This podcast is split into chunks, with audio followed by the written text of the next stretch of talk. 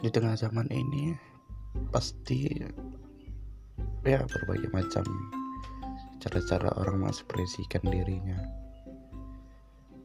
Ya mungkin ada dengan seni melukis misal atau ada pula yang aktif di medsos menunjukkan gambar-gambar